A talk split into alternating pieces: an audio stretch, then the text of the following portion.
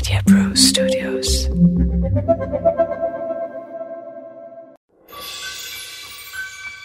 भाई कबो केहू के कोनो चीज़ के ज़रूरत रहे अपने पड़ोसी से अपने आस पास से तो बड़े ही प्रेम से मांग लेवे के चाही न कि एहसान जता के कोनो चीज़ मांगे के चाही कि हम फला वक्त में फला काम तोहार कैले रहनी है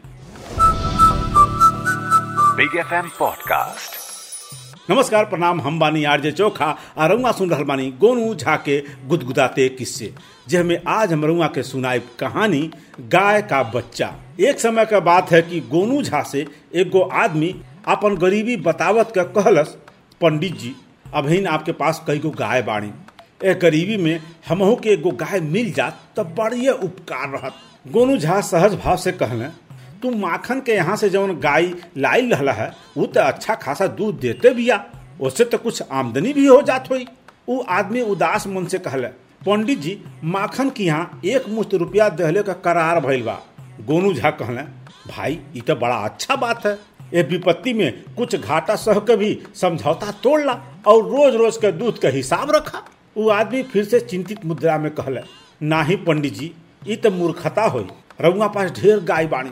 रउआ एगो दे दी और हमरा के उबार दी।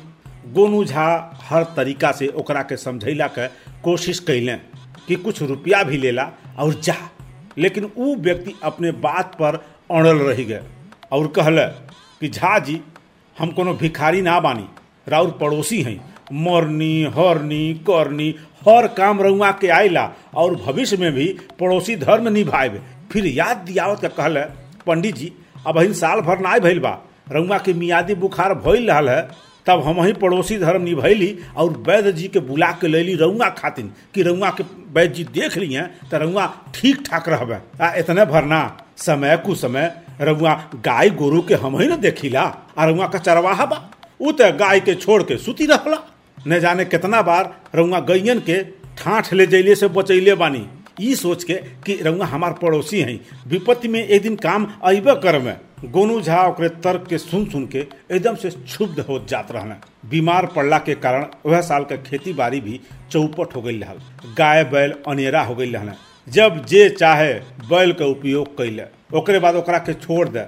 और चरवाहा के बात मनबे के करेला। ऊपर से धृष्टता रहे। ई की चरवाहा के मुँह लगैले के हिम्मत कैसन? चरवाहा केहू के कुछ कहे तो चार बात वो खुद सुन जा। बेचारा चुप होके रही जा। गोनू झा एहसान फरामोश कैसे हो सकत हल कि स्वार्थ बस ही सही? ई सब बात उनकरा के सुनही के रहा वो आदमी से। गोनू झा अपने सगरो मवेशी के बड़ा यत्न और ममता से पल्ले रहने। ये हमारे गाय दिहल ना चाहत हल डर रहल कि गाय सेवा और दया के अभाव में मरी न जा।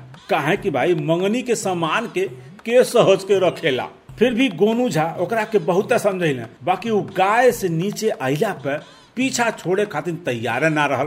अंततः गोनू झा ओकरा के बथान पर ले जाके कहलन कि जा, तोहरा बड़ी ज़रूरत बा तो यही में से गाय के कोनो भी संतान लेला। वो आदमी ताना मारत के गोनू झा से कहला वाह पंडित जी, रउआ खूब कहली, हम दान लेवे वाला ना हई कि बेकार का चीज़ रउआ के दरवाज़ा से ले जाई? गोनू झा ओकरा के ऊपर से नीचे तक निहारत और मुस्कुरात के कहले तो ठीक बा यह में से जवन गाय का बच्चा ना हो तू उह ले ला जा।